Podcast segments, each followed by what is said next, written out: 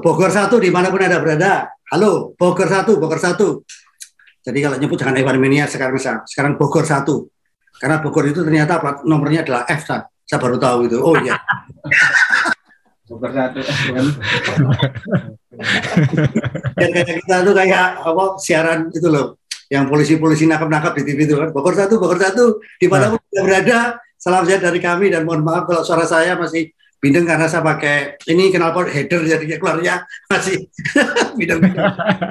ya, eh, mungkin kita sedih karena nggak punya wakil di Formula One, tetapi kita bangga karena ternyata banyak teknologi Formula One dari Indonesia. Dan kalau kita tahu Formula One itu isinya orang pinter, orang yang pinter, minteri aturan juga banyak di situ. Jadi ini kumpulannya orang pintar. Jadi kalau kemarin kita trending topiknya adalah Halo, produk dari Telkomsel, sekarang ini orang semua, semua, uh, semua orang ngomongin lagi kasus-kasus masalah uh, downforce endingnya adalah semuanya ngakali uh, lantai. Dan tahu nggak uh, dari mana itu uh, uh, teorinya atau strateginya? Ternyata dari Telkom Indonesia. Karena waktu itu Telkom pinter mensiasati seluler. Itu bisa roaming. Kalau yang tidak roaming itu bisa pakai lokal. Makanya di Surabaya itu teman-teman pinter mengeluarkan produk yang namanya telepon rumah yang bisa dijinjing ke mana-mana bisa dibawa ke mana-mana, tapi harganya pulsa rumah, namanya fleksi, ya kan? Nah, produk itu sudah mati, tapi karena ini ada produk jenius, bagaimana mengakali aturan seluler tadi, ditiru, akhirnya muncullah fleksi, floor, fleksi, wing, ya itu dari situ. Dan jangan lupa sekarang ini uh, diffuser yang menjadi andalan dari Brown GP ini pun juga jadi masalah. Kenapa? Mereka tahunya Brown GP pinter, cerdas, menciptakan diffuser. Ternyata itu apa? Setelah diteliti, mengambil cara kerja dari biskuit. Namanya Oreo, ya kan? Diffuser, dicelup, Jadi kalau ada ngomong Formula One itu kata dari fleksibel. Jadi orang-orang pinter yang pinter ngakali aturan. Baik, kita akan ngobrol masalah Austria. ya, Bogor satu, Bogor satu. Bogor satu jadi hiburan orang yang masih uh, terisolasi seperti saya di kamar hotel. Sudah mulai stres ini. Oke, okay, ini balapan benar-benar memperingati hari kurban. Jadi kita lihat semalam pada yang kurbannya adalah uh, Peres satu sapi, kemudian Sen satu kuda. Enggak, dua dua banteng dibelah kemarin. Dua belah, ya dua banteng dibelah. Jadi kurbannya benar-benar dua banteng dibelah, dua sapi dibelah. Dan asal melihat balapan semalam, mau kita mulai dari membaca uh, hasil ya. dulu atau gimana? Ya, saya paham teman-teman ini balapan yang ada sprint race-nya, uh, tapi kita langsung ngomongin lombanya karena dagingnya di situ. Dagingnya di situ. Di sayat-sayatnya mungkin uh, sprint race tapi dagingnya di lomba dan uh, konsekuensi setelah ini kan penting gitu. Jadi uh, ini penggemar Ferrari lagi semangat lagi, tapi nanti di akhir saya akan coba turunkan lagi dikit Mas Iwo. tapi ya ini balapan yang saya sendiri juga uh, pertama-tama kita harus akui Ferrari ini sampai hari Sabtu masih bikin saya geleng-geleng kepala. Tapi pada hari Minggu kayaknya sudah kembali ke jalan yang benar, tapi uh, lubang jalannya masih banyak ke depan. Kira-kira kayak gitu kalau dirangkum. Ya. Nah, jadi kita ngomong langsung hasil lomba, eh sorry, ya. hasil lomba. Kita lihat top 10-nya uh, eh, Leclerc. Akhirnya setelah lima lomba berantakan kembali ke puncak. Dan ini kemenangan kelima dalam karirnya. Dan pertama kali menang tanpa start di pole position. Itu menurut saya sangat penting buat dia. Dan dia menang setelah menyalip Verstappen tiga kali di lintasan, tiga kali uh, overtake di lintasan. Dan di akhir lomba uh, deg-degan kita semua karena pedal gasnya nyangkut dan nyangkut dan dan itu sempat bikin Binotto uh, stres, uh, nomor Ferrari stres, apalagi tidak lama sebelumnya Sainz mesinnya meledak. Ya. Tapi pada akhirnya dia menang walaupun hanya satu setengah detik di depan Verstappen. Verstappen finish kedua, tapi nanti juga kita bahas ada apa dengan Red Bull karena saat sprint kan meyakinkan sekali, 23 lap uh, tidak terganggu tapi ketika lomba dengan ban medium yang sama kok 13 lap sudah pit stop. Ini akan jadi uh, uh, pembahasan kita khusus untuk itu. Kemudian uh, Hamilton kembali dapat yodium uh, dan finish di peringkat tiga. Ya. Uh, Russell uh, walaupun sempat kena penalti di awal finish peringkat empat. Jadi Russell kalau finish selalu lima besar, luar biasa. uh, dan seandainya tidak kena penalti mungkin di depannya Hamilton.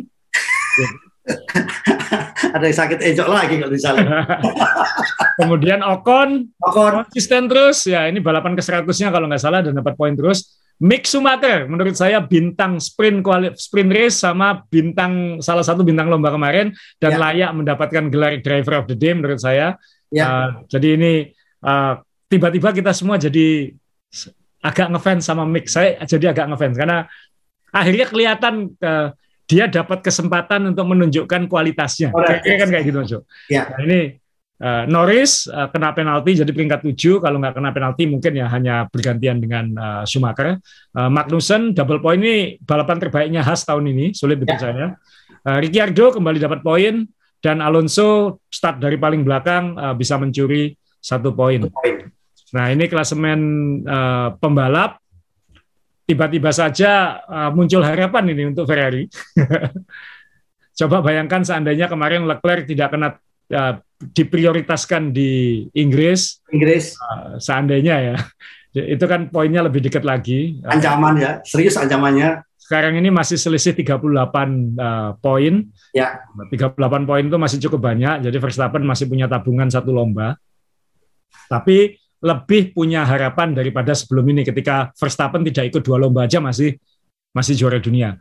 Ya. Dan Perez sekarang di peringkat tiga, jadi Leclerc resmi uh, ngancam langsung sekarang. Ya. Sainz uh, poinnya stuck, uh, Perez poinnya stuck juga tidak berubah. Russell dan Hamilton uh, ya kayaknya bakal di situ terus sampai akhir. Uh, tapi siapa tahu bisa ya naik ya satu peringkat mungkin ya. Uh, Norris uh, terus terancam dari bawahnya, Ocon yang terus naik ini sudah 52 poin, Bottas uh, ya kemarin tidak poin, ya. tapi di situ dan Alonso sudah di 10 besar. Nah, yang yang paling seru sekarang di klasemen tim uh, Red Bull memang masih cukup jauh, uh, oh, tapi ya. 53 poin itu juga tidak sejauh itu lagi. Jadi uh, Ferrari ini masih masih punya harapan. Uh, Mercedes diam-diam udah 237 poin, uh, kayaknya akan tetap di situ. McLaren dan Alpine seperti yang kita bahas minggu lalu, ya. akhirnya imbang. Dan kalau melihat tren beberapa lomba terakhir, Alpine seharusnya nyalip di lomba berikutnya. Apalagi lomba berikutnya ini dua minggu lagi di Prancis. Ya. Gandangnya dia. Gandangnya dia, ya. Ini ini uh, McLaren uh, tentu sangat ingin finish di peringkat empat karena selisih uangnya kan cukup signifikan. Ya. Hadiahnya.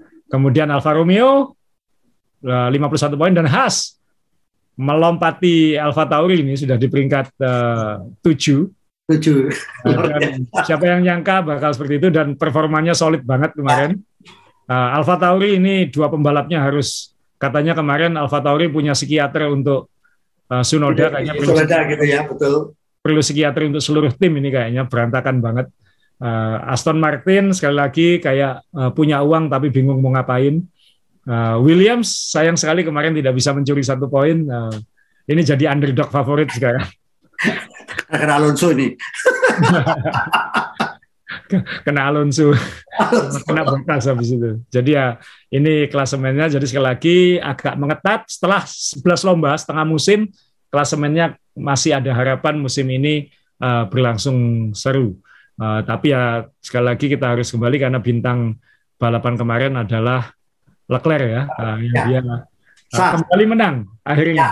Sah, tapi tadi sebelum siaran Asa juga sempat bisik-bisik juga ini. Leclerc ini menang tapi bikin deg-degan.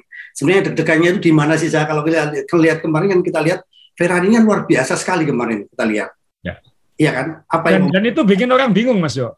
Ferrari ini kenapa kok tiba-tiba cepat sekali kayak gitu? Karena kan uh, di lomba berikutnya seperti itu uh, strateginya masih meragukan.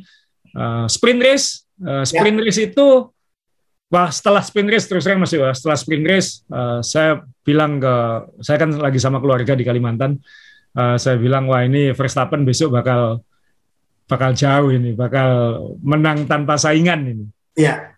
Apalagi Perez sudah bisa maju ke depan, start agak ke depan. Jadi akan sulit bagi tim lain untuk mengalahkan Red Bull di kandang sendiri karena saat sprint race Verstappen start bagus lalu uh, take off uh, yeah. sendirian. Sementara di belakangnya dua Ferrari ini saling memakan. Ya. Ducati kan, Mas Jadi saling yeah. saling ambil poin gitu. Nah, tapi ketika lomba shock juga kita gitu. Tiba-tiba uh, Ferrari kelihatan lebih meyakinkan daripada Red Bull. Ada apa ini? Uh, sprint qualifying uh, Leclerc itu uh, apa ya, uh, 23 lap ya, sama semua pakai ban medium, sama dengan ban yang dipakai start lomba. 23 lap Ferrari kalau diperhatikan Ferrari memang agak mendekat di lap-lap akhir Mas Yo. Betul. Itu sebenarnya indikasi kalau bannya Ferrari lebih awet daripada bannya Verstappen. Verstappen. Tapi kita juga bisa berpikir jangan-jangan Verstappen sudah nggak perlu ngotot kan, karena kan dia sudah aman di depan. Jadi setelah sprint race itu ya ini sulit mengalahkan Red Bull. Tapi ketika lomba ekstrim banget selisihnya itu. Betul.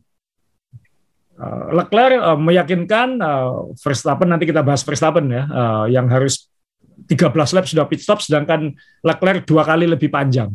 Belum Hamilton yang lebih panjang lagi. Iya Hamilton. Kemudian Leclerc dengan mudah nyalip dia sehingga seperti ada alternate strategi kan. Jadi uh, Leclerc kayaknya akan kalau normal ada opsi satu stop karena dia baru pit stop lap ke-27.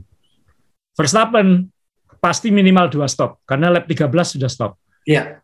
Nah ini ini tinggal nanti siapa yang pit stop dia gantian di depan. Uh, jadi yang pit stop ke nomor dua, yang keluar dari pit stop nomor satu. Jadi tinggal gantian-gantian aja. Tinggal di akhir siapa yang di depan itu lebih cepat atau bisa membendung yang di belakang tidak. Kira-kira skenario nya kayak gitu. Uh, kemudian uh, Leclerc gara-gara itu Leclerc harus nyalip Verstappen tiga kali kan. Pit stop keluar ngejar nyalip, pit stop ya. keluar ngejar nyalip. Nah ini yang uh, kemudian saya pikir wah ini Ferrari akan menang mudah ini, apalagi Sainz uh, juga tidak tidak pelan itu, tidak secepat Leclerc, tapi bisa nyalip Verstappen juga. Ini lap ke 58 itu kan tinggal wah ini satu dua Ferrari ini Perez nggak dapat poin, uh, Ferrari bisa maksimalkan satu uh, dua, seru ini klasemen. Gitu. Ya. Nah, satu Leclerc dapat bumper kan, jadi selisih poinnya dengan Verstappen bisa lebih dekat lagi karena poinnya Verstappen juga diambil oleh Sainz. Kemudian mesinnya Sainz meleduk. Iya. Nanti kita bahas meleduk itu tragisnya. Kemudian kurang berapa lap? Kurang lima lap atau nggak sampai itu? Uh, tiba-tiba Leclerc komplain uh, pedalnya nyangkut. Iya. Pedal gasnya nyangkut. itu Dan biasanya kan nyetir pakai sendal jepit biasanya. Gajah sendal jepit. Kebiasaan orang kita, termasuk saya. ya itu memang kelihatannya ancaman ya saya waktu itu ya. Ya, ya ini kan memang pedal mobil F1 itu kan drive by wire Mas. Ini kan kayak kita main video game sebenarnya. Jadi pedalnya kan itu pedal elektronik sebenarnya. Oh. Ada sedikit pir untuk ngasih feeling aja gitu. Tapi yeah. sebenarnya uh, pedal ini elektronik. Jadi apakah itu masalah software, uh, apakah itu masalah lain yang lebih pelik, uh, pada akhirnya kita nggak tahu. Tapi uh, yang dirasakan Leclerc uh, berdasarkan omongan dia setelah lomba adalah ketika digas normal, ketika dilepas masih nyala 20-30 persen gitu. Oh, kan yang apa istilahnya gantung atau gantung? Nyantel, ya kan, ya nyantol gitu. Makanya dia paling kesulitan di tikungan tiga. Tikungan tiga itu yang nekuk ke kanan yang paling pelan itu mas. Jadi, ya. jadi kayak uh, gasnya itu nggak mau dilepas. Masih, gitu. ya, masih tinggi ya. Nah, dan itu uh, Ferrari bilang coba lakukan sesuatu yang beda. Sesuatu yang beda itu bayangan saya sih uh, mungkin kita pakai sandal jepit maksudnya dicukit-cukit sedikit. atau ketok-ketok ya. Jadi habis ngelepas dicukit, habis ya. ngelepas dicukit. Siapa tahu yang masalah piringnya kan kayak gitu. Ya. Nah, uh, tapi ternyata tetap tetap bermasalah. Uh, tapi untungnya tidak sampai mempengaruhi uh, mempengaruhi hasil lomba dan Verstappen memang secara murni tidak punya kecepatan untuk untuk uh, mengejar Mengejar. dengan cepat. Mungkin ya. kalau ditambah dua lap lagi mungkin kena ini. Ya, kena ya. mungkin kena, tapi ya uh, pada akhirnya adalah Leclerc tetap tetap menang uh, dan ini hasil yang bagus untuk F1 karena uh, orang jadi oh ya Ferrari masih masih punya harapan. Gitu. Ya. Nah ini yang yang kemudian ya ini saya suka saya suka foto ini karena ya Verstappen kan dia karena dia masih mimpin klasemen dan dia masih uh, aman posisinya dia nggak akan terlalu maksakan diri juga nah, dia ya. jadi ketika disalip oleh Leclerc dia nggak nggak terlalu fight fight juga karena berpikir sebagai juara dunia Mas Yo. Bahwa, Sekarang ya, nggak kayak tahun lalu ya, sikat ya, gitu kan. Lebih baik kehilangan poin sedikit daripada ya. kehilangan poin banyak kayak gitu. Ya. Nah ini ini ya, dua pembalap ini di di podium uh, hasil yang yang menyenangkan menghibur tifosi setelah sekian uh, lomba bingung dengan tim ini uh, ya. dan menjawab uh, buat saya menjawab uh, tantangan strategisnya Ferrari. Ya. Karena sampai hari Sabtu orang masih ini kenapa Leclerc sama Sainz dibiarkan tarung di awal? Itu mengasih kesempatan uh, Verstappen melarikan diri. Betul. Harusnya kan sesuai urutan aja, satu sama-sama cepat dan siapa tahu sama-sama lebih cepat dari Verstappen, baru ganggu Verstappen, jangan saling ganggu. Nah itu masih jadi pertanyaan dan itu masih menghantui penggemar Ferrari sampai start lomba gitu. Ini jangan-jangan nanti Verstappen kayak kemarin lagi gitu. Ini dua pembalap saling gigit uh, dan sempat sempat sempat agak tarung kan, tapi pada akhirnya uh, status quo-nya jelas Leclerc lebih cepat. Nah ini yang minimal menjawab keraguan dan Ferrari menjawab strateginya juga bagus ketika opsinya tanggung kan Mas Verstappen pit stop lap 13. Oh, ini pasti minimal dua stop. Kita pit stop nggak? kita pit stop nggak? Takutnya kita di undercut kan kayak gitu. Ya, ya. Tapi ternyata masih bisa terus dan ketika terus ini dua-duanya kan terus gitu. Saya pikir ini salah satu di pit stop kan nggak? Di, di pit stop kan nggak untuk mengcover Verstappen? Ya. Ternyata nggak, masih teguh hatinya. Dua-duanya menjalani uh, strategi yang sama. Jadi ya. jadi dalam hal ini Ferrari uh, buat penggemar mungkin antara lap 13 sampai 27 itu mungkin deg-degan ini Ferrari ini maunya apa ini? Jangan-jangan salah strategi ini.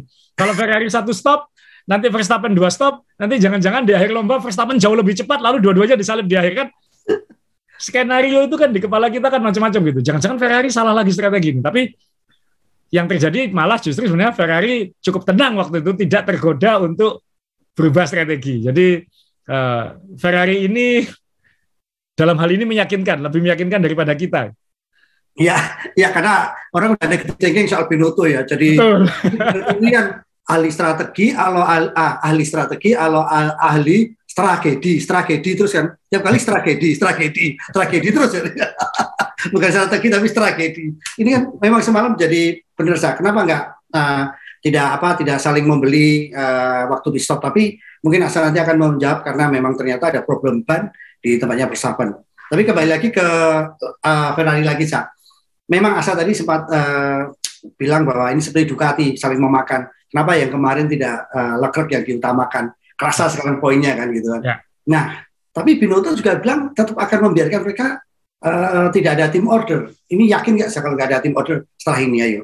sekarang sekarang apalagi setelah lomba Australia ini setelah setengah musim mau nggak mau suka nggak suka Ferrari harus tim order untuk Leclerc harus kenapa karena kejadian ini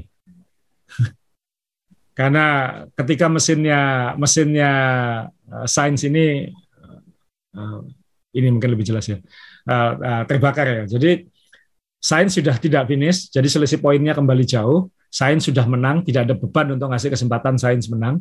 Iya. Poin antara Leclerc dan Verstappen 38 poin. Uh, jauh tapi tidak sejauh itu, masih ada 11 lomba. Dan Ferrari masih punya masalah pemakaian mesin. Ingat kita bahas dua episode lalu mungkin ya. Uh, Leclerc ini sudah memakai empat mesin, empat turbo segala macam. Jadi uh, kebetulan mesinnya Leclerc sekarang mungkin agak fresh karena barusan diganti uh, setelah setelah Kanada ya uh, barusan diganti setelah Kanada jadi atau di Kanada jadi mesinnya relatif fresh mesinnya Sains kan enggak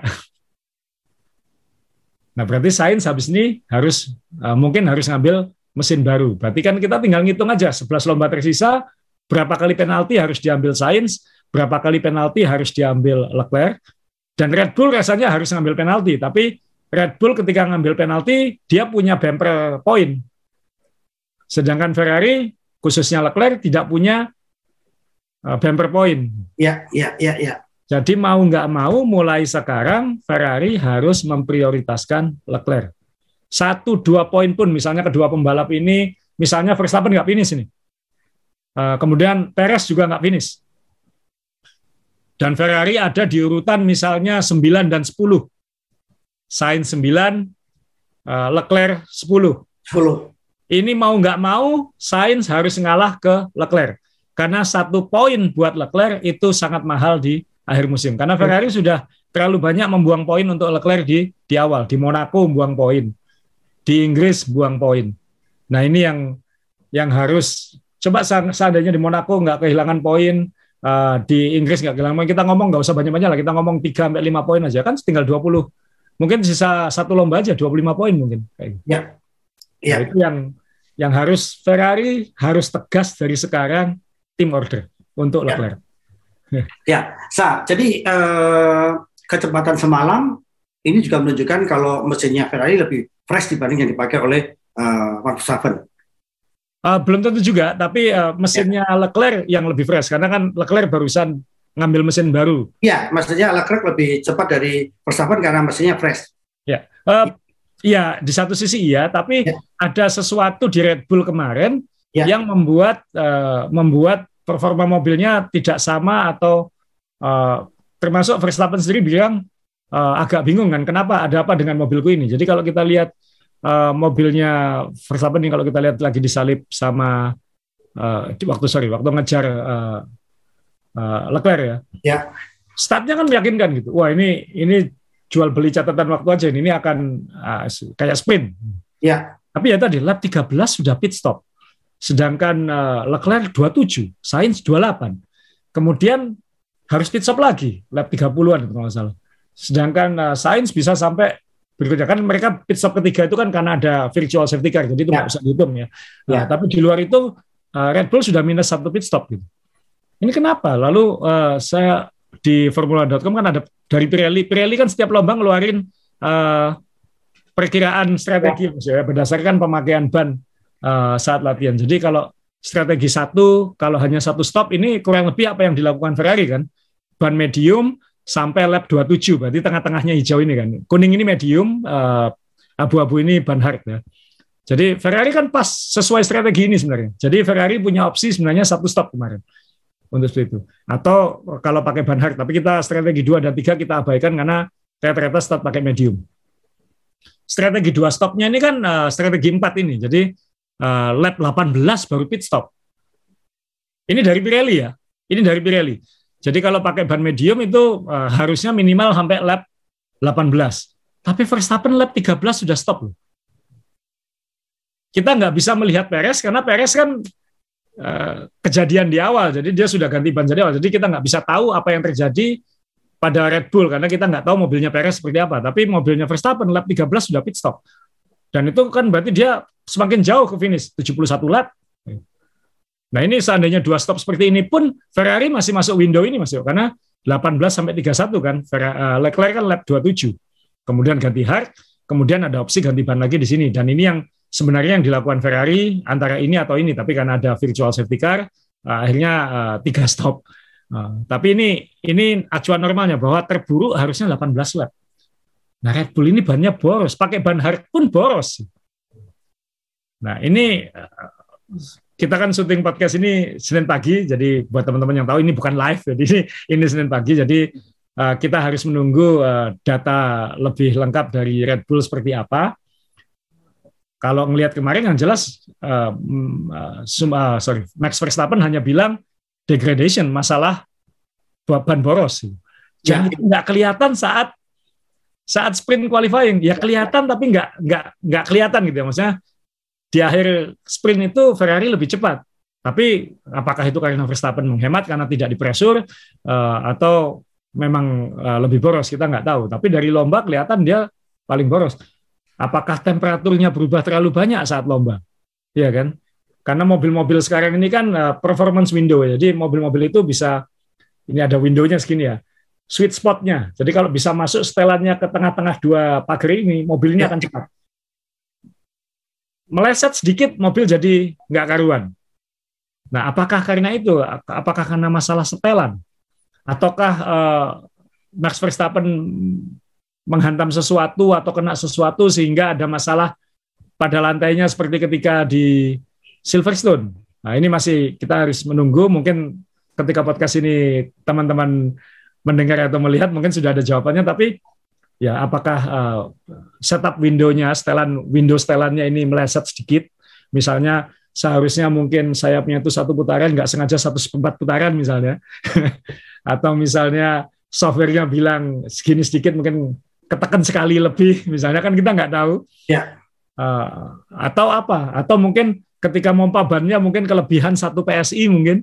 Ya. kan bisa. Tapi kalau itu terjadi kenapa kok terjadi pada sepanjang lomba misalnya Nah ini ini misterinya.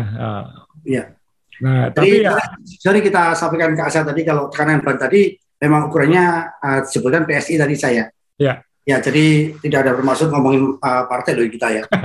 itu memang tekanan kan, memang di dalam Formula One itu yang paling dapat tekanan paling berat bukan pembalapnya, bukan mesinnya, yang paling dapat tekanan berat ya um, bannya gitu kan saya. saya juga kadang-kadang penasaran ya waktu liputan di Sepang tuh kata oh ini yang warna merah ini ban uh, soft lunak, ini yang kuning medium, ini yang hard. Yang merah saya pegang juga keras, yang kuning juga saya pegang keras, yang putih juga keras. Ini lunaknya di mana orang bilang gitu kan? Orang keras semuanya kok. bener mas Dewa. Kenapa? bener itu. Nah iya, kalau namanya pakai ban lunak ya gembosin aja udah. Itu ban lunak itu namanya. Nah, Tapi ini, ini agak sorry mas, Dewa, agak blank, uh, agak uh, keluar topik sedikit soal ban tadi, nekan lunak atau keras. Ya. Mas Dewa benar, ban-ban belakangan. Bahkan uh, terakhir kali saya ke F1 ini udah beberapa tahun yang lalu, ketika saya tekan bannya memang uh, keras ya. Jadi keras. Saya ingat pertama kali ke Monaco tahun 2000 Mas Dewa. Ya. Udah lama banget, mungkin banyak yang belum lahir yang nonton ini. Nah, ke Monaco tahun 2000, pertama kali saya uh, bisa megang mobil F1 secara langsung karena dapat akses waktu itu. Dan itu yang saya lakukan adalah neken ban, sama seperti Mas Dewa, karena saya penasaran ban soft ini seperti apa gitu. Waktu itu masih Goodyear ya. Nah, kemudian saya tekan Mas Dewa, pakai kuku gini. Kuku saya ngecap. Ya. Jadi jari saya ini ngecap di di ban itu, saking lunaknya. Ya. Jadi saya tekan-tekan gini aja. Jadi kuku saya banyak di di ban ban bekas ya, jadi bukan ban yang dipakai balapan. Jadi dibolehin waktu itu saya saya neken-neken. Tapi sejak uh, sejak intinya setelah perang ban ya antara Michelin Bridgestone itu ketika kembali speknya Pirelli ini, ketika karetnya itu kita tekan pakai kuku, itu sudah nggak lagi nempel kukunya. Jadi sudah jauh lebih keras daripada tahun 2000 dulu. Ya. Jadi, sekali lagi lunak itu relatif. Eh, sorry ini agak agak lonceng, tapi itu pengalaman saya pertama kali neken ban tahun 2000 dan neken ban setelah-setelahnya. Iya, orang kadang-kadang kalau hujan tuh, oh dia pakai bahan basah, di bahan kering. Saya pikir sebenarnya basah kena air, ngapain diomongin. Oke, kita kembali ke topik, Sa. Ya. Oke, jadi eh, sekarang kita ke Sainz dulu, Sa. Eh, sedikit ya, karena Sainz ini kebakar mesinnya, jadi eh, apakah Ferrari masih tanda petik mesinnya juga belum sekuat yang kita uh, harapkan atau mungkin uh, mungkin Ferrari tidak mau seperti Mercedes yang lebih aman saja walaupun kecepatannya terbatas. Jadi Mercedes ini kan mobil yang dilengkapi dengan etle, jadi nggak berani kenceng dia. Mobilnya ada etle-nya, takut kenceng ya. Nah, bagaimana dengan Sainz ini, Sa? Ya, uh, tadi malam itu ketika Ferrari memburu Verstappen begitu Ya. cepat, kita semua lupa kalau mesinnya Ferrari ini bermasalah. Kita ini semua lupa kalau Ferrari ini secara fundamental masih punya problem reliability mesin yang uh, jatah mesinnya itu sudah habis di tengah musim sebenarnya kayak gitu. Dua-duanya. Ya, ya sekarang dua-duanya. Jadi uh, kita lihat Sainz duduk nelongso nih ya, uh, karena dan Sainz bilang nggak ada tanda-tanda sama sekali. Ya, Boom, gitu aja. Tiba tidak ada tanda-tanda sama sekali. Jadi kayak granat di belakangnya. itu. ya, Nah ini yang yang baru setelah sains itu bermasalah, baru semua sadar. Waduh, Leclerc bisa bermasalah sama ini. Leclerc bisa bermasalah. Dan kemudian ada Ingat masalah. Perez ya, saya. Ingat Perez kan? Iya. Masalah nggak waktu Verstappen uh, Betul. DNF? Iya kan, Perez kan gitu Iya. kan? Mobilku masalah kan? Semua pembalap kan pasti terhantui itu gitu. Nah, Ya. Ini sekali lagi eh, positifnya adalah Ferrari bisa mengalahkan Red Bull di kandangnya Red Bull Ya, di sirkuit yang banyak orang bilang Red Bull bakal berjaya. betul. Dan itu kan kita bilang empat lomba sekarang ini, Silverstone kemarin, ini kemudian nanti Prancis uh, dan Hungaria itu adalah indikator kekuatan uh, untuk kejuaraan dunia. Ini Ferrari sudah merebut dua, Mas Yo. Sudah menang di Silverstone, sudah menang di Austria. Walaupun di Silverstone Verstappen punya masalah ya, tapi bersaing ketat kan. Jadi minimal dua mobil ini minimal imbang di dua sirkuit ini. Dan itu memberi harapan penggemar Ferrari bahwa ke depan Ferrari masih bisa kompetitif. Seandainya kemarin tidak blunder-blunder strategi, mungkin posisinya lebih baik sekarang. Iya, Tapi tetap harus diingat bahwa Ferrari mesinnya lebih boros, boros pemakaian ya, lebih eh, kritis daripada Red Bull. Verstappen dan Perez saya yakin pasti kena penalti. Semua pembalap di F1 2022 pasti kena penalti. Penggantian mesin. Tinggal berapa kali. Leclerc sudah pakai mesin tambahan. Sainz habis ini saya yakin pakai mesin tambahan. Red Bull diam-diam mungkin punya masalah tapi nggak kelihatan. Ya kan? Nah, kita akan melihat nanti uh, setelah uh, summer summer holiday, berarti setelah Hungaria nanti kita bisa mengevaluasi semua nanti sisa lombanya seperti apa, Uh, setelah empat lomba ini kan kita tahu uh, di sirkuit tradisional kekuatannya seperti apa. Nanti setelah Hungaria kita akan bisa bikin perkiraan akhir musim nanti termasuk menghitung menginventarisir mesin-mesin dan komponen-komponen yang yang sudah terpakai. Ya. Itu seperti apa? Bahkan mungkin nanti minggu depan kita mungkin bisa inventarisir lagi nih. Mesinnya Ferrari sisa berapa? Sekarang saya belum punya waktu tadi untuk untuk uh, ngumpulin datanya. Tapi itu di FIA ada. Jadi kita bisa karena setiap pergantian itu harus direport ke FIA dan FIA akan mengumumkan. Nah ini kita tinggal inventarisir aja nanti siapa yang akan kehilangan dan kalau Leclerc harus ganti dua kali lagi misalnya, itu di mana dan kehilangan poin berapa, berarti masih bisa juara dunia nggak? Kita sudah nggak boleh mikirin Sains juara dunia. Sains harus bantu Leclerc. Ferrari harus paksakan tim order. Itu aja. menarik nih ya. Jadi kita kembali seperti semoga kembali ke seperti tahun lalu ya ketika Mercedes mengambil ganti mesin di mana uh, Lewis Hamilton uh, Max di mana itu akhirnya kan seru juga kan. Ya. okay. Karena kan strategi nanti di hari musim apalagi ada Monza ya. itu yang yang bagi Ferrari sangat mahal kan itu harga mati harus ya. kuat. Uh, kemudian uh, ada Spa Belgia yang juga panjang dan cepat. Ada banyak sirkuit yang menuntut mesin nanti di akhir itu. Oke, jadi saya juga sekali lagi kita pecinta F1 tapi awam kadang-kadang memang saya juga bingung ya. Ketika Ferrari ganti mesin, mana yang ganti? Tetap pakai Ferrari, kecuali kalau Ferrari ganti mesin, oh pakai powertrain, oke okay ya. Ini namanya ganti mesin itu. Ini maksudnya masih sama-sama Ferrari kok. Oke, saya ini kembali ke uh, balapan lagi. Jadi dengan kondisi Verstappen semalam, apakah ini ancaman, ancaman untuk uh, Red Bull atau ini masalah masalah yang gampang nanti untuk penyelesaiannya untuk masalah-masalah uh, penggunaan ban karena memang sekarang ini balapan di Formula One ini kan ban sangat penting sekali kita nggak bisa kita jarang sekali ngomongin mesinnya paling kuat enggak juga kalau selama banyak awet juga ternyata ya banyak yang menang gitu kan Sa. Ya, jadi kita harus ngomongin tiga tim ini sekarang Mas Jo. Jadi uh, Ferrari uh, secara speed kembali nunjukkan seperti di awal musim, dia tuh punya speed, cuman tinggal uh, satu reliability, dua strategi. Tanda tanya kan di situ. Red Bull ini solid semuanya seharusnya. Ya. Uh, kalaupun ada masalah, seharusnya masalah kecil Mas ya. Kayak di Silverstone, ya. karena ada komponennya Alfa Tauri nyangkut di di lantainya Red Bull. Kemarin mungkin masalah setelan kecil, mungkin. Sehingga seharusnya bukan sesuatu yang bikin timnya stres harus ngapain. Saya kira enggak. Ya. Jadi secara dalam hal ini Red Bull masih sangat mantap, sangat solid. Verstappen seharusnya juara dunia. Uh, tinggal seberapa berat dia harus berjuang untuk merebut juara dunia lagi itu aja. Uh, Mercedes kan juga bagus, uh, yeah. makin bagus, makin bagus, makin bagus, tapi masih belum tahap mengganggu secara langsung, mengganggu berebut juara, mengganggu di saat lomba sudah mulai, tapi mengganggu berebut juara masih belum, masih kurang setengah langkah lagi mungkin katanya Hamilton, satu atau setengah langkah lagi. Satu sampai uh, satu sampai setengah langkah lagi ya. Ya hampir lah, sudah sudah bisa megang tapi belum bisa dorong. Jadi masih mengandalkan doa ya, selalu berdoa dapat berkah ya, usaha. masih ada gitunya, masih ada gitunya ya. Iya ya. Tapi uh, uh, Mercedes akan jadi faktor X Mas Yo akan jadi faktor X. Saya pasang fotonya Russell ya maaf.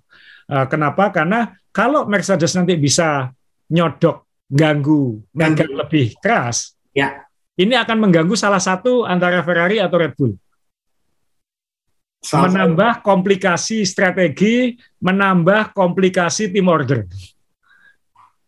Ya. Jadi kita semua yang ingin F1 secara keseluruhan makin seru, ya kita butuh Mercedes untuk terus menyodok ke depan untuk meramaikan persaingan, kalaupun tidak untuk dia ngejar menang, tapi untuk ganggu yang di atas ini.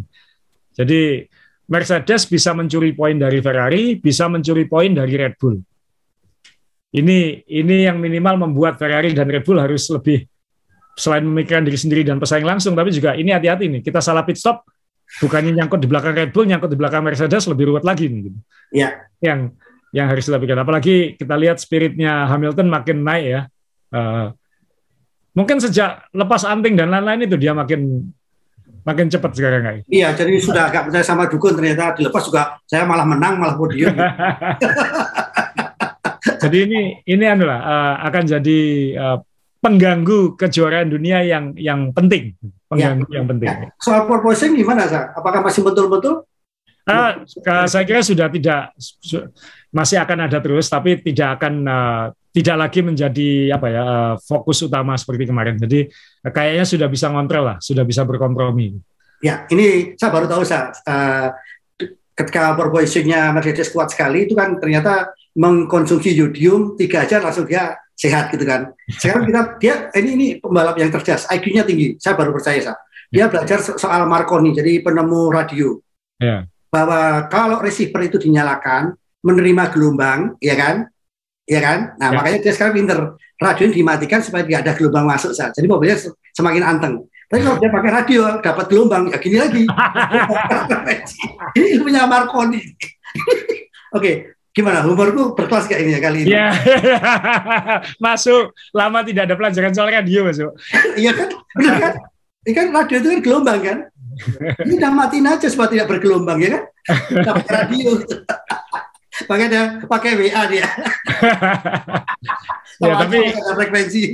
Saya lihat dua lomba ini wajahnya Hamilton lebih anu lah, ya. lebih lebih apa ya, lebih cerah gitu, lebih ya lebih semangat gitu. Kayaknya sudah uh, saya yakin nanti sebelum akhir musim mungkin bisa mencuri satu dua kemenangan lah. Uh, ya. Mungkin Hungaria mungkin masuk. Ya, sa kalau mengenai... aku udah mulai nyebut nih, mungkin Hungaria itu. Tapi mengenai perang perang batin dengan Max, kemudian uh, pendukung-pendukungnya Max uh, juga dikritik oleh uh, oh. dan nah ternyata kan di ya. kejuaraan apa di olahraga yang kelasnya sangat uh, berkasa tinggi ini pun juga masih ada babu-babu dan lain sebagainya. ya, anulah, uh, saya tidak punya foto penonton, tapi 300 ribu lebih kemarin penonton total di Austria. F1 sekarang memang booming ya, uh, dan ini kita harus memahami di mana ada booming, ada banyak fans baru. Ya. Ada fans baru akan membawa warna baru, apalagi fans baru dalam jumlah yang masif. Jadi uh, di satu sisi ini sangat positif karena saya ingat terakhir-terakhir saya nonton F1 banyak yang tua yang nonton F1 itu, ya kan. Tapi belakangan banyak anak ya. muda, banyak orang muda dan akan muncul masalah baru. Uh, yang ini uh, saya kira uh, untung mereka nggak nonton sepak bola di Indonesia gitu aja. Nanti ada anu ya. itu serangan, serangan baliknya ya. Ya, jadi ini ini ya ini uh, di satu sisi F1 tegas tapi uh, mereka mengeluarkan statement. Kalau di luar negeri kan statement aja cukup. Kalau di Indonesia kan harus pengerahan ribuan personel mungkin kayak gitu. Nah ini ini yang uh, saya kira ini masih selama itu masih belum berlanjut ke lebih parah. Ingat ini di Eropa Mas Eropa itu kan rumahnya F1 ya. ya. Uh, uh, jadi uh, fans fanatiknya F1 itu kan di Eropa. Jadi ya. kita akan di Eropa terus ini dalam beberapa lomba ke depan. Ya. Jadi ya akan ketemu yang seperti ini. Gitu. Nah. Ya Apakah itu uh, saya sih nggak terlalu pusing karena ini ini ini problem yang baik buat F1. Ini problem punya banyak fans baru ya. menurut saya. Dan semalam yang disorot adalah anak-anak kecil semua ya. Semalam ya. disorot, wah luar biasa pinter ya. Yang ya. kemarin di Inggris juga banyak yang tua-tua disorot juga. Jadi ya. kita membandingkan generasi F1 itu yang dari muda sampai tua gitu kan. Jadi luar biasa. Dan di mana-mana semua olahraga harus uh, harus kampanye ke anak kecil dan anak muda Mas karena untuk untuk masa depannya. Jadi ya ada masalah seperti itu, uh, tapi ini ini bukan hal yang kalau penggemar bola mungkin baru gitu aja udah pusing. Jadi, ini, ini ini problem yang baik buat F1 tandanya ada banyak penggemar baru datang ke F1. Iya, tapi alhamdulillah ya di Indonesia sekarang sepak bola juga sudah tidak terkenal dengan serangan balik ya. Jadi balik sambil bawa batu, stasiun-stasiun di Lempari sudah nggak ada, kita sudah semakin dewasa, ya kan? Dulu kan ya. terkenal dengan serangan baliknya. Jadi pada saat balik sambil bawa batu balik lempar-lempar ke mana-mana itu serangan balik namanya. kan ironis ya Mas Ewa ya, uh, supporter bola di Indonesia menuju lebih baik, perempuan mulai yang nggak baik. Ini ironis juga. Ya, Wimbledon juga kadang-kadang. Ya. Wimbledon juga kadang-kadang muncul juga. Oke, kita sekarang ngomongin. Uh, saya kurang setuju kalau Mick sebagai driver of the day. Loh. Ya, driver of the day itu yang benar adalah science. Loh, kenapa Mas Yo? Driver out the day. out the day. out the day. Iya, kalau kita lihat ada uh, yang lain pada bikin apa uh, di rumah bikin gule, sate, di sini malah bikin steak kuda, bakar kuda. Tapi kasihan ya Mas ya ketika mobilnya melorot ke belakang kan dia ya, betul. dia harus injak rem kan itu. Tapi kalau ya. dia keluar mobilnya keluar jadi safety car. Kalau jadi safety car kasihan Leclerc itu. Jadi oh. dia mikirin Leclerc juga itu. Oh, jadi sampai ke situ ya pikirnya ya. Ya, saya, saya sih mikirnya kayak gitu. Itu mobil jangan sampai ngelundung kembali ke ke sirkuit. Kalau kembali ke sirkuit itu pasti safety car. Kalau safety car ya. siapa yang paling gak enak? Leclerc. Oh, ya. Itu masuk gravel aja udah langsung safety car ya. Iya, jadi bagusnya adalah untungnya ada Marshall yang lari uh, ganjel ganjel ban ganjel ban depannya itu kan. Jadi ya untungnya bisa nggak sampai cukup virtual safety car. Virtual safety car itu kan kecepatan mobil harus diturunkan, tapi uh, tidak perlu saling menunggu gitu. Jadi ya. gapnya masih konstan. Ya. Nah, kalau sampai safety car, ah, ah mungkin Ferrari mungkin lebih berantakan, apalagi dengan masalah throttle-nya ya. itu kan. Nah, jadi ya di juga ya Uh, di satu sisi itu baik lah. Uh, ya ini driver of the day Mas Yo, Mick Schumacher. Yeah. Kayak dapat kehidupan baru setelah Inggris. Tidak rugi saya beri replikanya ya. ya. ya saya ini talenta Mick apakah sudah benar kelihatan sekarang saya setelah poin kemarin? Sih ya kita seharusnya tidak pernah boleh melupakan talentanya dia. Dia juara F3 dan juara F2. Ya juara Mas Dewo. Maksudnya bukan menang lomba, juara, juara F3 dan juara F2. Memang ada yang bilang dulu dan ini sekarang baru kepikir lagi nih, Mick Schumacher ini butuh waktu katanya. Di F3 musim pertama kurang oke, okay. musim kedua juara. Di F2 musim pertama oke okay, tapi nggak spektakuler. Musim kedua juara. Jadi butuh musim kedua untuk untuk nemukan uh, harus ngapainnya. Ya. Nah, ini musim pertama sengaja dibuang karena mobilnya khas seperti itu dan khas juga membuang musim itu. Musim kedua sempat under pressure kok uh, Magnussen bisa langsung klik kamu kok masih butuh waktu tapi begitu ya. dia klik dia klik. Dia dia luar biasa dia driver of the day hari Sabtu sebenarnya. Ketika dia membendung uh, membendung uh, Lewis Hamilton ya. Ya. Lap-lap dengan cara yang spektakuler uh, kelas gitu cara cara ya. mengingatkan saya, saya. Ya, mengingat Hamilton sewot ya. Ya, mengingatkan saya dulu Alonso waktu nahan Michael Schumacher di oh, iya. Imola 2005. Ya, Jadi ya. Ya, apalagi dulu nggak ada DRS, ini ada DRS, dia harus ketika ada Magnussen di depannya dapat DRS dia masih lebih mudah. Begitu nggak ada DRS dia harus lebih keras. Walaupun akhirnya kalah, tapi dia sudah nunjukkan fightingnya gitu seperti dia waktu fighting sama Max, Max Verstappen di di Inggris. Inggris. Ya kan yang ngomel-ngomel harusnya uh, Mick ini. Kenapa? Eh itu Magnussen jangan menjauh. Aku butuh dia untuk dapat DRS-nya ini. Ya oke okay, ya. Seandainya itu Magnussen nggak menjauh, mau mundur sedikit, dapat poin satu lagi itu di di sprint race. Tapi ya, tapi di situ orang sudah wah Mick Schumacher dapat jadi ketika lomba fight kan dalam artian dia dia bisa bersaing seperti itu gitu. Nah ini yang anu lah uh, Mick Schumacher kayaknya akan punya karir di F1 ini. Uh, Ferrari ya mungkin sulit ke Ferrari tapi dia sekarang punya bargaining kepada Haas lah. Dia punya bargaining kepada Haas dan uh, akan punya kesempatan untuk noleh-noleh ke tim lainnya. Ya, jadi walaupun sempat uh, terburuk ya, uh, kemudian bosnya Haas juga sudah bilang ini uh, Mac ini ngurusain mobil dan lain sebagainya. Karena kita kalau kita tahu kemarin uh, uh, Mercedes mengeluarkan duit banyak kan? Dengan dua mobilnya dua mobil yang rusak itu kan keluar duit banyak sekali. Gara-gara itu kan uh, salah memasukkan tidak pakai map tapi pakai bis. Jadi gara jalan yang pintas gitu. Tembok akhirnya semuanya. Nah saya ini uh, kalau melihat dari kualitas uh, berapa yang ditujukan oleh ini kita belum bisa uh, mengambil kesimpulan. Tapi ternyata pada saat klik Magnussen pun juga termakan oleh uh, Mick Schumacher juga saya. Betul. Uh, dan anda pembalap muda itu lebih ada laparnya Mas Jo. Uh, lebih ada laparnya. Uh, pembalap senior mungkin sudah aku sudah cukup. Mungkin aku nggak bisa jauh lebih banyak dari ini. Ada settlenya, ada ada settlenya. Sama kayak pemain bola lah. Pemain bola kalau sudah uh, gajinya udah besar bertahun-tahun dia ada settlenya. Tapi kalau pemain muda itu selalu ada laparnya. Carian dulu ya tinggal bagaimana kita uh, memasang koridor, meng mengarahkan rasa lapar ini ke sesuatu yang baik gitu. Nah ini uh, Mick Schumacher sudah sudah nemu kliknya dan sama seperti Hamilton, begitu dapat satu hasil positif, setelah itu hasil positifnya lebih gampang datang. Jadi damnya sudah dibongkar, sudah dihancurkan, tinggal ngalir lancar gitu. Mick Schumacher beban begitu besar itu sudah lepas di Silverstone sehingga dia bisa membalap lebih uh, lebih anu ya lebih menunjukkan dirinya kayak gitu tidak terbebani harus main aman ya. jadi ini ini saya kira awal yang baik dan uh, Ferrari harus sekarang harus memikirkan cara untuk bagaimana caranya mic ini berkembang gitu ya karena uh, belum tentu khas tahun depan seperti tahun ini jangan-jangan uh, uh, mungkin dia lebih baik dipinjamkan ke tim yang lebih baik misalnya saya nggak kan situasi sekarang Alfa Romeo belum tentu lebih baik juga Ya. Nah, ini yang harus harus dipikirkan untuk Mick Schumacher karena sayang nanti kalau misalnya tahun depan dia buang-buang kesempatan lagi kayak gitu. Nah, ini yang uh, berbalik ya. Nah, kita masang foto dia di thumbnail episode dua minggu lalu posisinya terancam.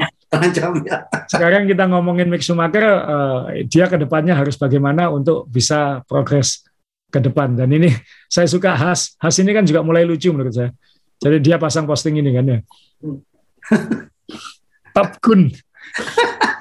Khas F1 Team. Wah, dua-duanya uh, sakti.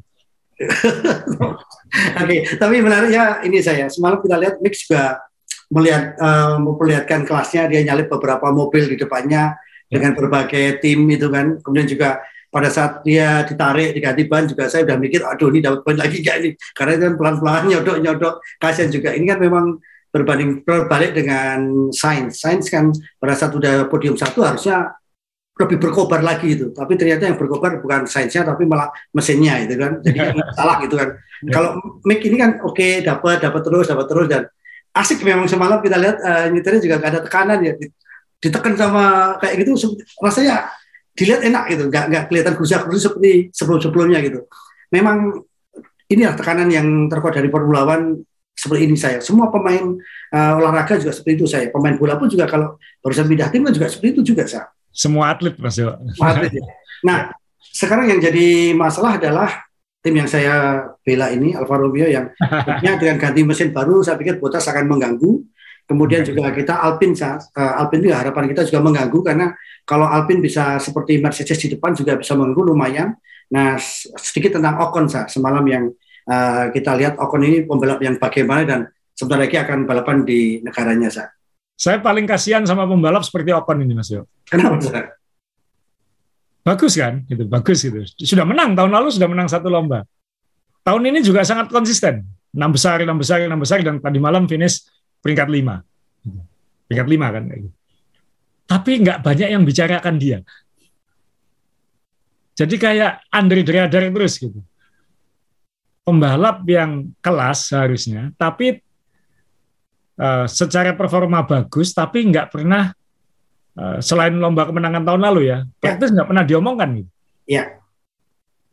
Secara kepribadian juga nggak nggak nggak keluar kan maksudnya nggak nggak ya. kayak Norris, uh, termasuk nggak kayak Vettel, uh, nggak bukan anak Schumacher. Ya. Uh, jadi Uh, saya paling kasihan membalap seperti Ocon ini karena diam-diam dia uh, sebenarnya luar biasa. Dia salah satu pembalap terbaik tahun ini sebenarnya. Kalau kita bikin list top 10 tahun ini gitu ya dia pasti masuk top 10 itu. Cuman seolah-olah nggak banyak yang ngomongin gitu. Dan kalau saya jadi Alpin saya mikir pembalap kayak gini masuk aman bagus tapi nggak bawa uh, buat sponsor tidak menambah eksposur paham maksudnya ya ya paham. Tidak jadi pembicaraan. Itu ya. yang kasihan pembalap seperti ini. Ini yang salah Okonnya atau tim um, PR-nya atau tim uh, manajernya dia kan manajer tidak sekedar tekan kontrak tapi bagaimana menaikkan image pembalapnya gitu kan? Tapi kan nggak semua orang bisa dijual Mas Yo. Maksudnya uh, ya mohon maaf ini kita nyenggol politik Indonesia ya belum tentu semua orang bisa dipoles dengan pencitraan gitu. Orang nggak lucu nggak bisa dibuat lucu. Iya iya. Ya. Nah, kan banyak sekarang yang mulai uh, cari perhatian untuk 2024 tapi nggak cocok karakternya dia kayak gitu apalagi yang yang kita tahu orangnya seperti apa gitu. Kan dipaksakan gitu. Nah uh, di dunia marketing sama kan so, pembalap kan juga bagaimana caranya pembalap ini dapat uang uh, lebih banyak di luar uh, sirkuit kan. Dia harus ke sponsor ke endorse endorsement. Nah itu kan dia harus menunjukkan uh, sisi lainnya gitu. Nah ini nggak gampang melakukan itu kalau memang tipenya bukan seperti itu. Bukan berarti Ocon nggak baik Mas Ewa ya. Mungkin uh, mungkin yang yang baik ya mungkin seperti ini nggak aneh-aneh gitu. Tapi tidak membawa cerita, nggak membawa berita, ya. kan? Faktor nggak ada jadinya. Itu yang, ya, yang saya kasihan. Ini pembalap saya sendiri diem, dari dulu nggak terlalu perhatiin Ocon gitu. Tapi saya tahu ini pembalap lumayan juga ini. Jim-jim dapat poin, jim dapat poin, menang, nyuri kemenangan, dapat kesempatan bisa mengeksekusi dengan baik. Tapi ya gini-gini aja terus. Ya. Pasti nanti lomba berikutnya kan di Prancis. Eh, ya. sirkuit sirkuitnya yang saya nggak suka itu sirkuitnya membosankan banget. Ya. Uh, dan pusing nontonnya garis-garis birunya dan lain-lain itu. Uh, ya moga-moga tahun ini dengan mobil baru balapannya jadi lebih seru. Uh, dan saya ingin lihat bagaimana Alpine kan Prancis sudah pasti, tapi ya. selama ini Alpine juga nggak bisa menjual Ocon dengan lebih dengan lebih baik. Padahal ini pembalap kontraknya masih beberapa tahun lagi. Nah, saya ingin lihat seberapa hebat mesin marketing F1 menjual Ocon nanti di Prancis. Karena ini layak dijual, cuman memang orangnya nggak menjual. ya, beda dengan Vettel ya saya. Vettel ini kan ada meeting, dia keluar dari meeting didenda. Itu udah cerita ya saya. Ya. padahal di tempat lain tuh ada yang meeting tidur atau berapa duit, meeting ya. sambil lihat uh, video-video berbayar ya dapat duit. Ini ya. malah didenda gitu kan? Ya. Padahal kalau keluar kan harusnya dapat SPC. Ya. Udah, udah, udah, udah, udah. Kita ngomong yang lain. Kita ngomong Formula One aja. Tapi ya inilah, inilah Ocon. Nah, dan dia terus tenggelam sama Alonso kan. Alonso komentar dikit yang beritain banyak. Jadi itu kan dari situ di dunia uh, online sekarang kan berarti kan nama Ocon ini kurang keyword kan Mas Betul, betul, betul. Jadi, Alonso finish nomor 10 itu lebih banyak berita banyak daripada Ocon finish nomor 5. Jadi kalau kita lihat website F1 sekarang, uh, Alonso kita kehilangan lagi 8 poin. Hei, Ocon lu finish nomor 5. ya, ya, ya, ya. Ya inilah uh, dunia dunia zaman sekarang gitu. Gara-gara clickbait dan lain-lain, sesuatu yang hebat belum tentu kelihatan kalah sama yang teriaknya lebih kenceng kan? Nggak tahu. ya, oke okay, sa. Uh, untuk penutup balapan ke depan, kira-kira bagaimana sa? Uh, sekali lagi lihat kondisi ya. semalam. Ya, sekali lagi ini uh, dua minggu lalu kita ngomong ini empat lomba yang sangat penting untuk uh, penentuan peta kekuatan dan perebutan gelar juara dunia. Ya. Uh, sisa dua, uh, kita libur seminggu, kemudian ada dua lomba berturut-turut di Prancis dan di Hungaria. Yang Prancis tradisional mungkin agak mirip Silverstone, Hungaria sangat Mickey Mouse, uh, sangat pelan dengan mobil F1 sekarang yang besar dan berat, uh, akan sangat jadi tantangan untuk meliuk-liuk Monaco tanpa tembok. Uh, jadi setelah empat lomba itu kita akan melihat seperti apa, tapi tanda-tandanya sudah mulai kelihatan. Ferrari sangat kompetitif, punya kans untuk tetap uh, mengejar juara dunia, uh, dan tinggal penalti mesinnya seperti apa. Uh, kemudian Mercedes menunjukkan tanda-tanda baik. Uh, jangan-jangan kuda hitam, jangan-jangan nanti Hamilton atau Russell bisa menang di Hungaria, kita nggak tahu.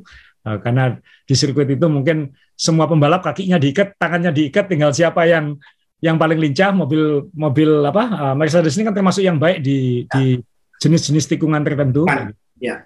Nah ini yang uh, saya ingin lihat Mercedes di Hungaria nanti. Nah tinggal papan tengah Alpine dan uh, McLaren. Kalau ngelihat sekarang kayaknya Alpine lebih lebih meyakinkan daripada McLaren. Uh, ya tinggal kita lihat nanti apakah Haas ini benar-benar progres atau dua lomba terakhir ini kesurupan kita nggak tahu ya karena kesurupan ya oke okay. ya.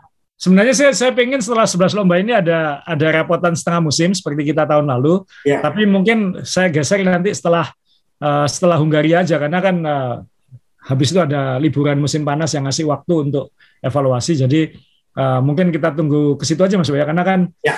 situasinya masih sangat fluid kayak gitu. Baik. Asal terima kasih uh, untuk teman-teman Bogor satu, Bogor satu, terima kasih. uh, sekali lagi selamat uh, Idul Adha teman-teman. Jadi kita memaknai uh, kurban, termasuk saya ini juga memaknai kurban. Saya juga mungkin sudah bisa keluyuran ke mana-mana, tapi waktu saya dinyatakan positif saya benar-benar sembunyi. Kalau keluar saya pakai N95 karena ya walaupun hanya sekedar flu, kalau nulari orang lain kan kasihan. Sekali lagi jaga kesehatan untuk kita semuanya. Sukses untuk Asa dan teman-teman di belakang ya. Dan jangan lupa uh, kaosnya main balap sudah ada. Jadi silakan nanti dicek di Asaware saya. Azaware.com ya. Asaware.com. Jadi silakan teman-teman dicek karena saya juga harus cari size yang lebih gede lagi. Baik, terima kasih semuanya. Salam sehat dari main balap. Dadah.